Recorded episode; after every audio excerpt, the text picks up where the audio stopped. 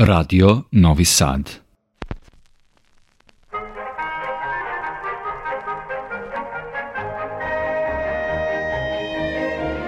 Putevima muzike. Vodi vas Olena Puškaš.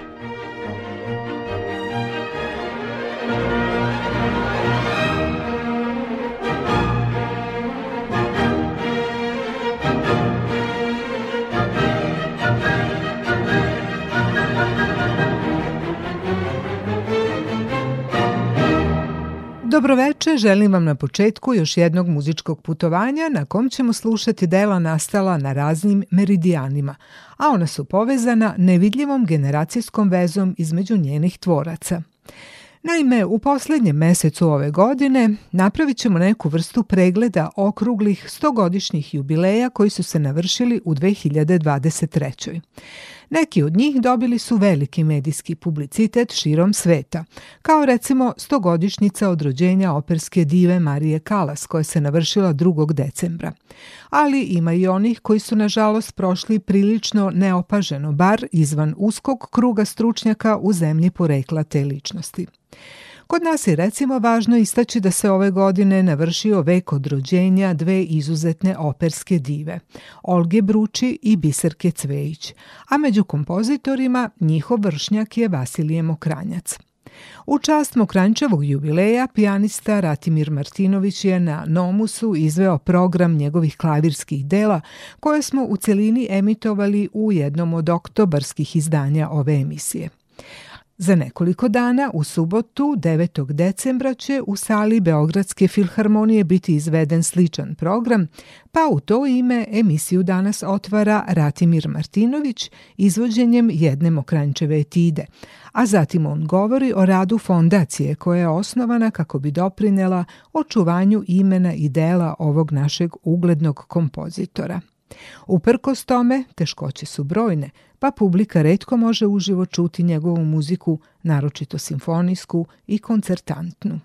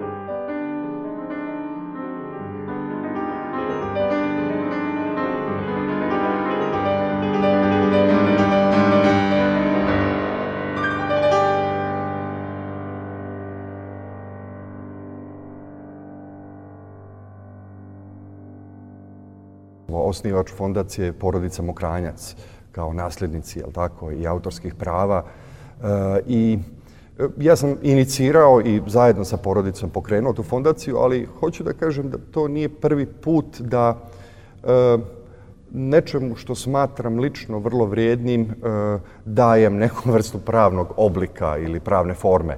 E, u Kotoru je to bio slučaj e, i sa fondacijom posvećena Dobranku Zbuteg i mislim to je prosto način E, da sačuvate e, ne samo uspomenu e, na, na nekog kog smatrate vrednom, vrednim čuvanja pamćenja i uspomene na njega ili nju, nego u slučaju Vasilija Mokranjca radi se i o okolnosti da potrebe zapravo promocije njegove muzike, dakle čuvanje njegove. Notni zapisi su bili samo u rukopisu. Ja kad sam svirao integralno i snimao njegov opus, ja sam svirao iz rukopisa.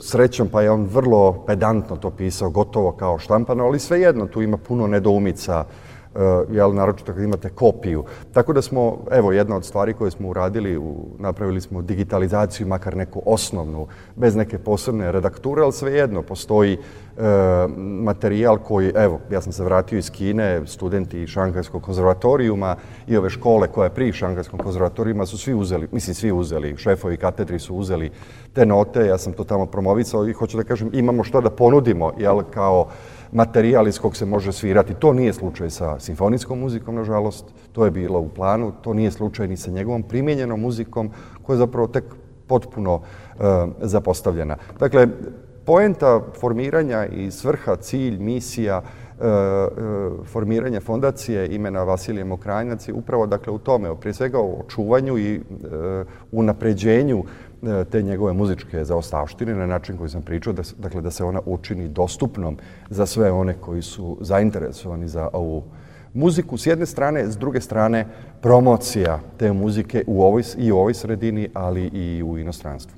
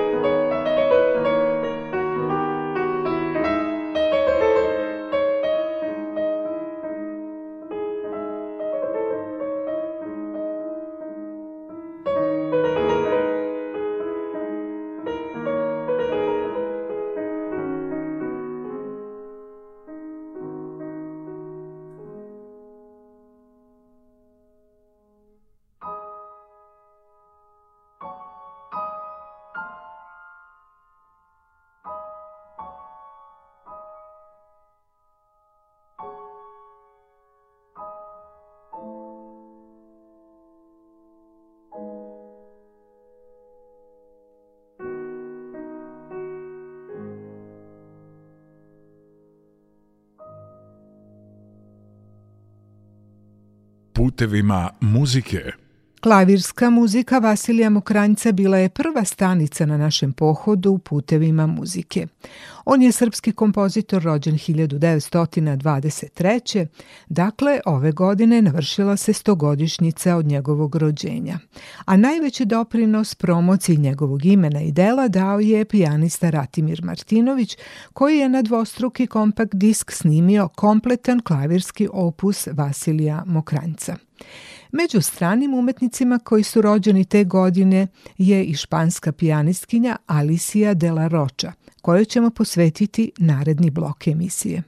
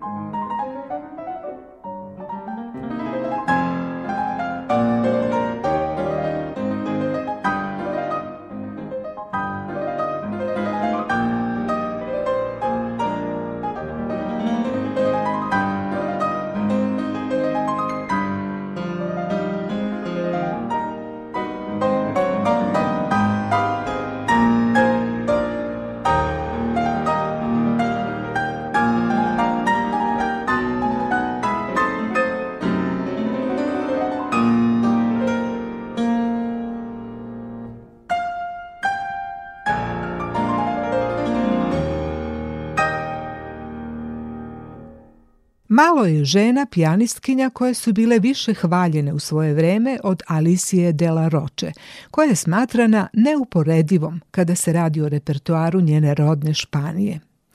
Njeni snimci Solera, Granadosa, Albeniza, Turine, Falje i Montpoix bili su bestselleri, a o vrhunskom kvalitetu njenih izvođenja govore četiri Grammy nagrade.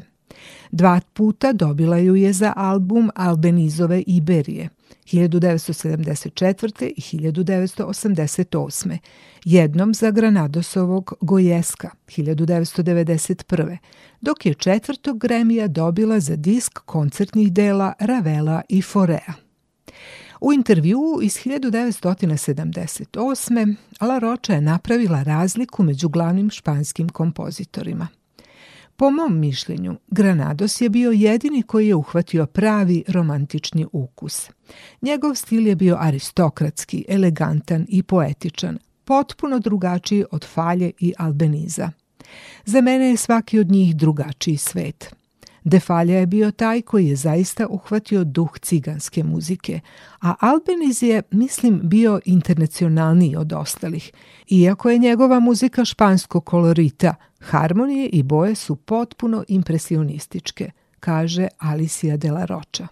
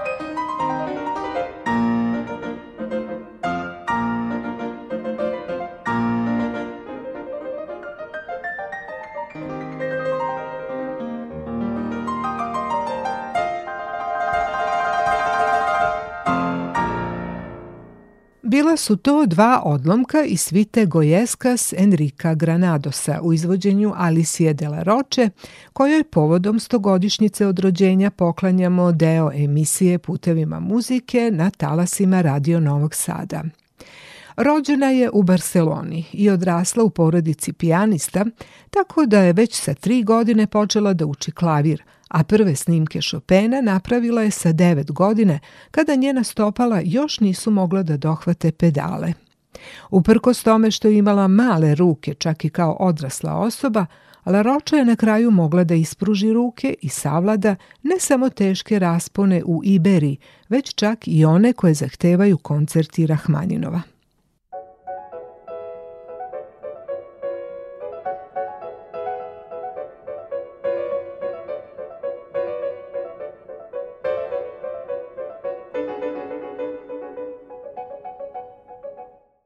karijeri koja je trajala vrlo dugo, gotovo 75 godina, Laročin repertoar se kretao od Skarlatija, Mozarta i Beethovena do Šumana, Lista i Hačaturijana – Pored toga što je bila popularni solista ne samo u Španiji, već širom sveta, posebno u Americi, često je kao kamerni pijanista sarađivala sa zvezdama španske vokalne muzike Victorijom de Los Angeles i Monserrat Caballé, kao i sa violončelistom Gasparom Casadom, a čuveni su bili i njeni nastupi s tokijskim gudačkim kvartetom – La Ročina prva turneja po Sjedinjenim američkim državama 1955. održana je uz Los Anđelesku filharmoniju, a na programu su bili Mozartovi koncerti, defaljine noći u vrtovima Španije koje predstavljaju majstorsku muzičku sliku atmosfere i mirisa ove zemlje.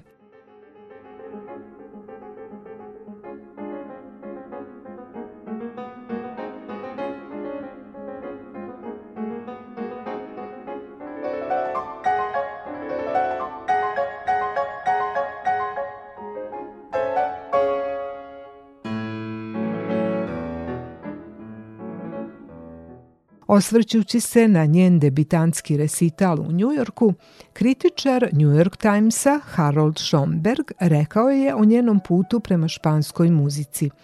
Ona ima način da idiomatski oblikuje muzičku frazu koja se ne može naučiti. Ona iznenadno menja dinamički tok, instinktivno naglašava notu kratkim dodirom pedale, primenjuje neobičan rubato, što ritam čini izuzetno fleksibilnim. Očigledno, ova muzika je gospođi Laroči u krvi, ali je u to uložila životno iskustvo i maštu.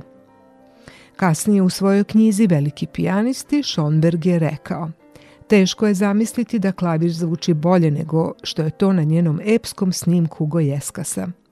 Laroča, koja je umrla 2009. osvojila je osim četiri gremija još mnoge evropske nagrade i bila je prvi španski umetnik kome je dodeljena nagrada UNESCO 1995.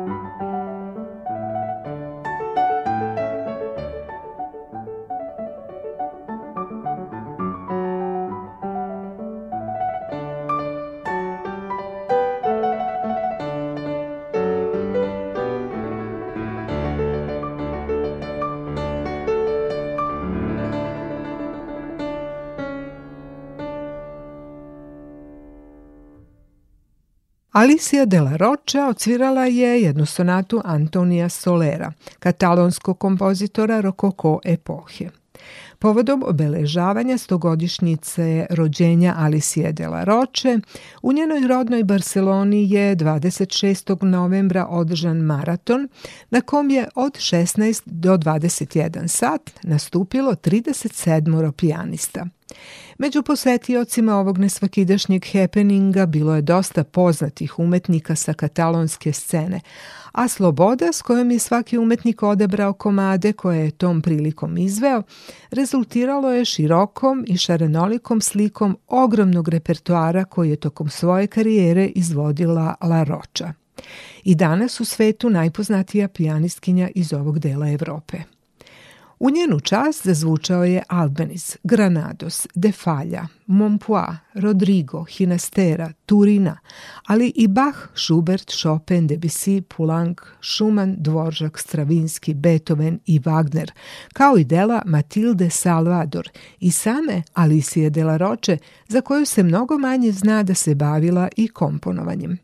Naime, ona svoja dela nikada javno nije izvodila, ali ih je ostavila porodici u zaostavštinu, napravivši izbor onih koje se posle njene smrti mogu ponuditi zainteresovanima. Posle toga premijerno su izvedena tri komada posvećena njoj iz pera poznatih katalonskih kompozitora Josepa Coloma, Koncepcija Ramioa i Marka Meskide. Inače, Alicia de la Rocha smatra se i danas jednom od velikih klavirskih legendi 20. veka. Reuters ju je nazvao najvećom španskom pijaniskinjom u istoriji. Times jednom od najistaknutih svetskih pijanista, a Guardian vodećim španskim pijanistom svog vremena. U njenu čast nazvan je jedan krater na planeti Merkur. I sada ćemo podsjećanje na nju zaokružiti jednim čuvenim koncertantnim delom za klavir i orkestar Manuela de Falje u njenom izvođenju. U pitanju su, naravno, noći u vrtovima Španije, što znači da svaki od tri stava svojevrsnog koncerta oslikava atmosferu i mirise jedne čuvene bašte ili parka. Prvi stav je El Generalife, vrt koji jakim mirisom jasmina okružuje dvorac Alhambra. Drugi stav je dansa lehana, pri čemu nije naznačeno mesto, već samo zvuk egzotičnog plesa koji se čuje iz daljine. I najzad treći stav, muzikom slika vrt Sierra Cordobe. Alicia de la Rocha je solistkinja uz Londonski simfonijski orkestar, diriguje Rafael Fribeck de Burgos. Thank you.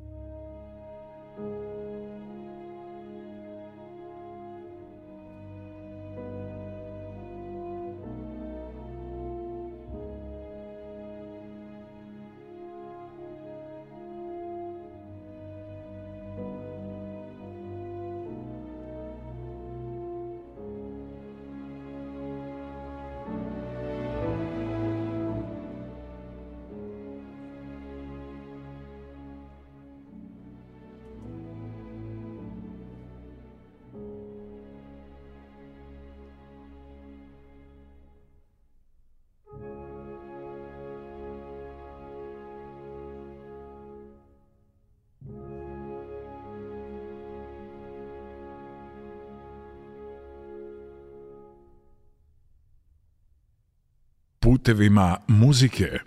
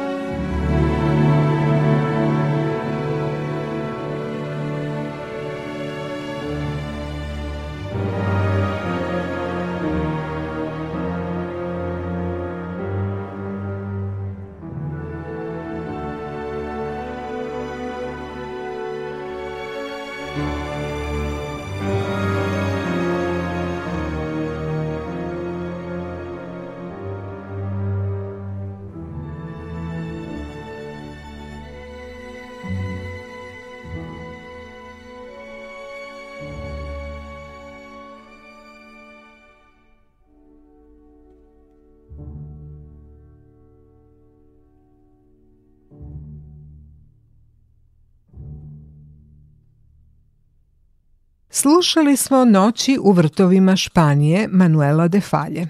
Solistki na klaviru bila je Alicia de la Rocha. Londonskim simfonijskim orkestrom dirigovao je Rafael Fribeck de Burgos.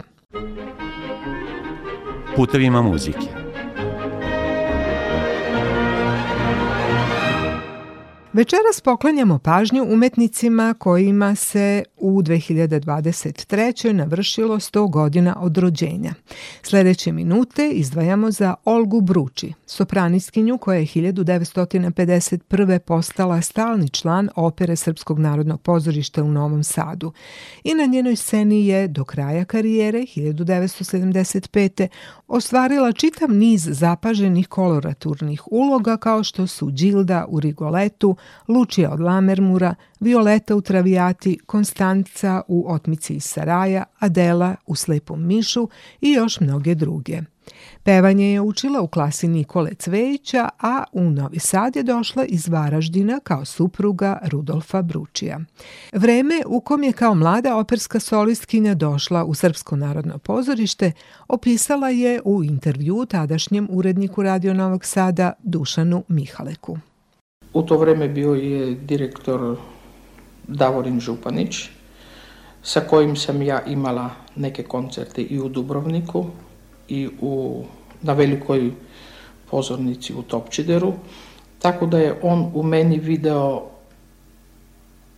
da bih ja mogla da pevam Slepog miša, posle možda Travijatu i Rigoletto. Evo tako je počelo. Mislim da je to bio jedan prekrasan period. Drama je bila u punom sjaju, veliki glumci, Ljubica Ravasi, ne bih sad spominjala, ne mogu ni, perfektni režiseri sa doktorom Konjovićem. Jedino mi siromasi u operi nismo imali tu sreću da imamo baš e, operskog režisera, ali je vladao jedan takav entuzijazam. Svi smo bili, može se kazati, mladi, volili smo svoj poziv, što mislim što je najvažnije. I vladala je jedna atmosfera, mislim jedna radna atmosfera, ona prava atmosfera koja je potrebna da ono svoje umeće za koje si se borio, ali mislim i za svoju egzistenciju, dao si sve najbolje, sve najlepše što si mogao da pružiš ovoj divnoj novosadskoj publici. A publika je bila stvarno prekrasna. Zar ja znam šta mi duša zatraži, kakav plan meni sad srce traži.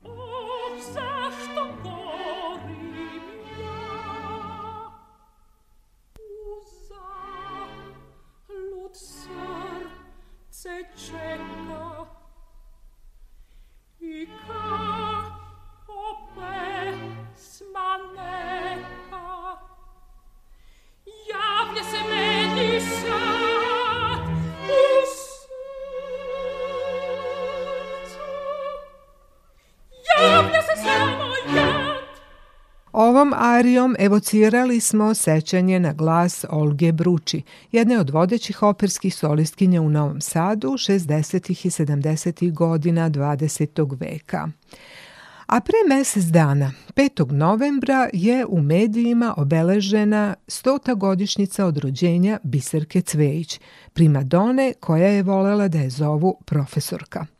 Ona je kao mecosopran jedinstvenih kvaliteta tokom 60. i 70. godina 20. veka imala izuzetnu internacionalnu karijeru i angažmane u Beču, ali i u Njujorku, Buenos Airesu, Milanu, Minhenu, Moskvi, uz čuvene partnere među kojima su bili Birgit Nilsson, Franco Corelli, Tito Gobi, Placido Domingo, Mario del Monaco. Nakon razdoblja aktivnog pevanja posvetila se pedagoškom radu kao profesor sola pevanja na Akademiji umetnosti u Novom Sadu. O tome koliko je u tome uživala i koliko je imala uspeha govori podatak da su njeni bivši studenti sada ugledni solisti u našim operskim kućama, ali ih puno ima i u inostranstvu. O radu sa talentovanim pevačima u Novom Sadu ona je s ponosom i radošću govorila u svojim intervjuima. Ja kažem ovako, kratko ću vam spomenuti zbog čega mi je Novi Sad. Prvo mi je bilo drago što nisam prestala. Gospodin Ostojić me pita da li hoću da dođem u Novo Sad. Pa ja sam obe ručke prihvatila. Zahvalići njemu, Željko Lučić, koji je danas jedan od najvećih paritona sveta, koje peva i na Metropolitan, i u Covent Garden, i u Milansku skalu, i stalno u Beč, i tako. I onda moja cela generacija novosadska, mislim da sam bila deset godina u Novom Sadu, svi pevaju. Malo tu, malo to, ima ih u Nemačkoj. Imam, imam, imam ih deset, svi pevaju negde, znate. Tako da sam ponosna na moju novosadsku generaciju. Street!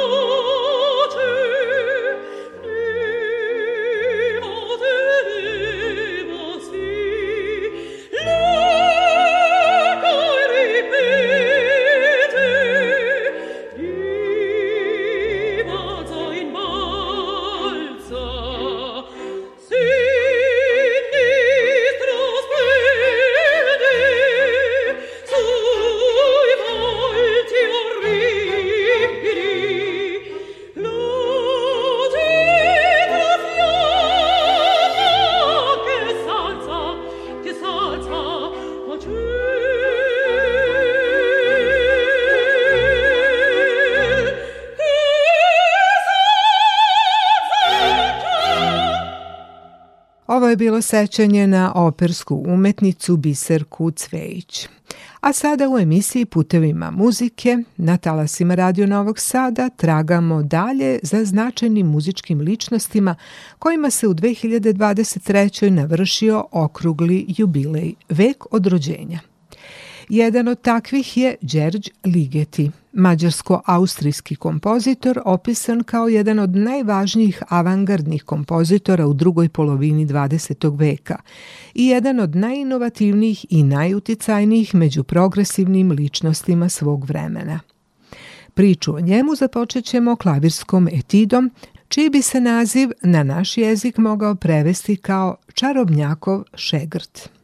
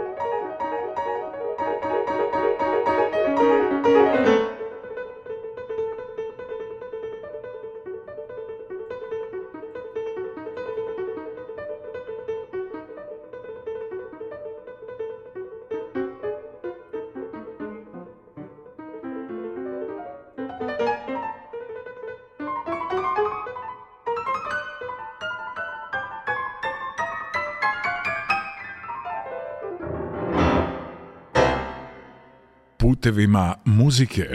George Ligeti rođen je u Transilvaniji, a živeo u Mađarskoj narodnoj republici pre nego što je 1956. emigrirao u Austriju. Austrijski državljanin je postao 1968. Pet godina kasnije postao je profesor kompozicije na Visokoj školi za muziku i pozorište u Hamburgu, gde je radio do penzionisanja 1989. Preminuo je u Beču 2006. Mnoga od najranijih Ligetijevih dela napisana su za hor i uključivala su motive narodnih pesama. U ovom periodu napisao je diplomsku kompoziciju za Budimpeštansku akademiju pod nazivom Kantata za omladinski festival za četiri vokalna solista, hor i orkestar. Jedno od njegovih najranijih dela koje je sada na repertuaru jeste i njegova sonata za violončelo koju je u početku zabranio Sovjetski savez kompozitora i zbog toga nije javno izvođena čitavih četvrt veka. Ligetijeva najranija dela često su produžetak muzičkog jezika Bele Bartoka. U najlepše primere iz tog perioda možemo ubrojati rumunski koncert za mali orkestar iz 1951 koji je dovoljno odgovarao tadašnjim trendovima i očekivanjima u komunističkim zemljama. Kompozicija se delom zasniva na aktuelnoj rumunskoj narodnoj muzici koju je Ligeti studirao na Institutu za folklor u Bukureštu, a delom na sobstvenom izumu nalik narodnom u duhu seoskih muzičkih bandi. Kao i njegovi su narodnici Bartok i Kodelj, pre njega, Ligeti je imao istinsko interesovanje za narodnu muziku. Kao dete u pograničnom regionu Transilvanije, tada u Mađarskoj, sada u Rumuniji, sreo je lokalne muzičare koji su nosili životinske maske i svirali divlju muziku na violini i gajdama, sećanje koje je ostalo živo i mnogo godina kasnije.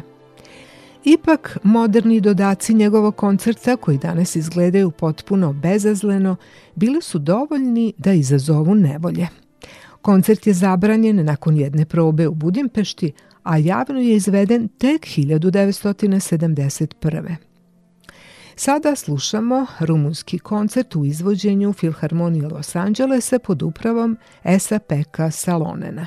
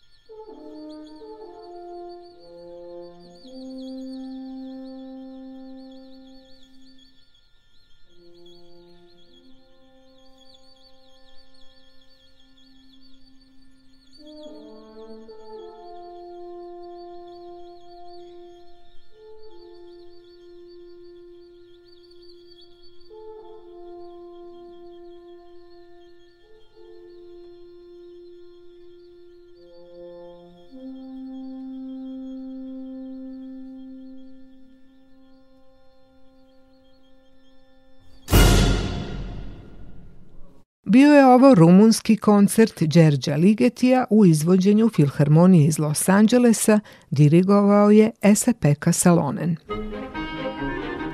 Putevima muzike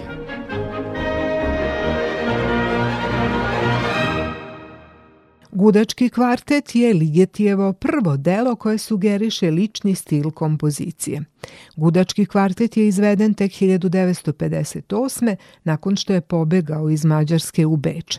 Tada počinje i njegov interes za elektronsku muziku, što ga je odvelo u elektronski studio zapadno-nemačkog radija u Kelnu, gde je sarađivao s Karl Heinzom Stockhausenom i Gottfriedom Michaelom Kenningom. U ovom mediju završio je samo dva dela – komade glisandi i artikulacija, a započeo je i treće delo, atmosfere, koje tada nije uspeo u potpunosti da završi. Čini se da je Ligetijeva muzika kasnije bila pod uticajem njegovih elektronskih eksperimenata, a mnogi zvuci koje je stvorio podsjećali su na elektronske teksture. Liget je skovao termin mikropolifonija da bi opisao teksturu drugog stava priviđenja i atmosfere – Ova tekstura je slična onoj kod polifonije, samo što je polifonija skrivena u gustoj i bogatoj mreži zvukova.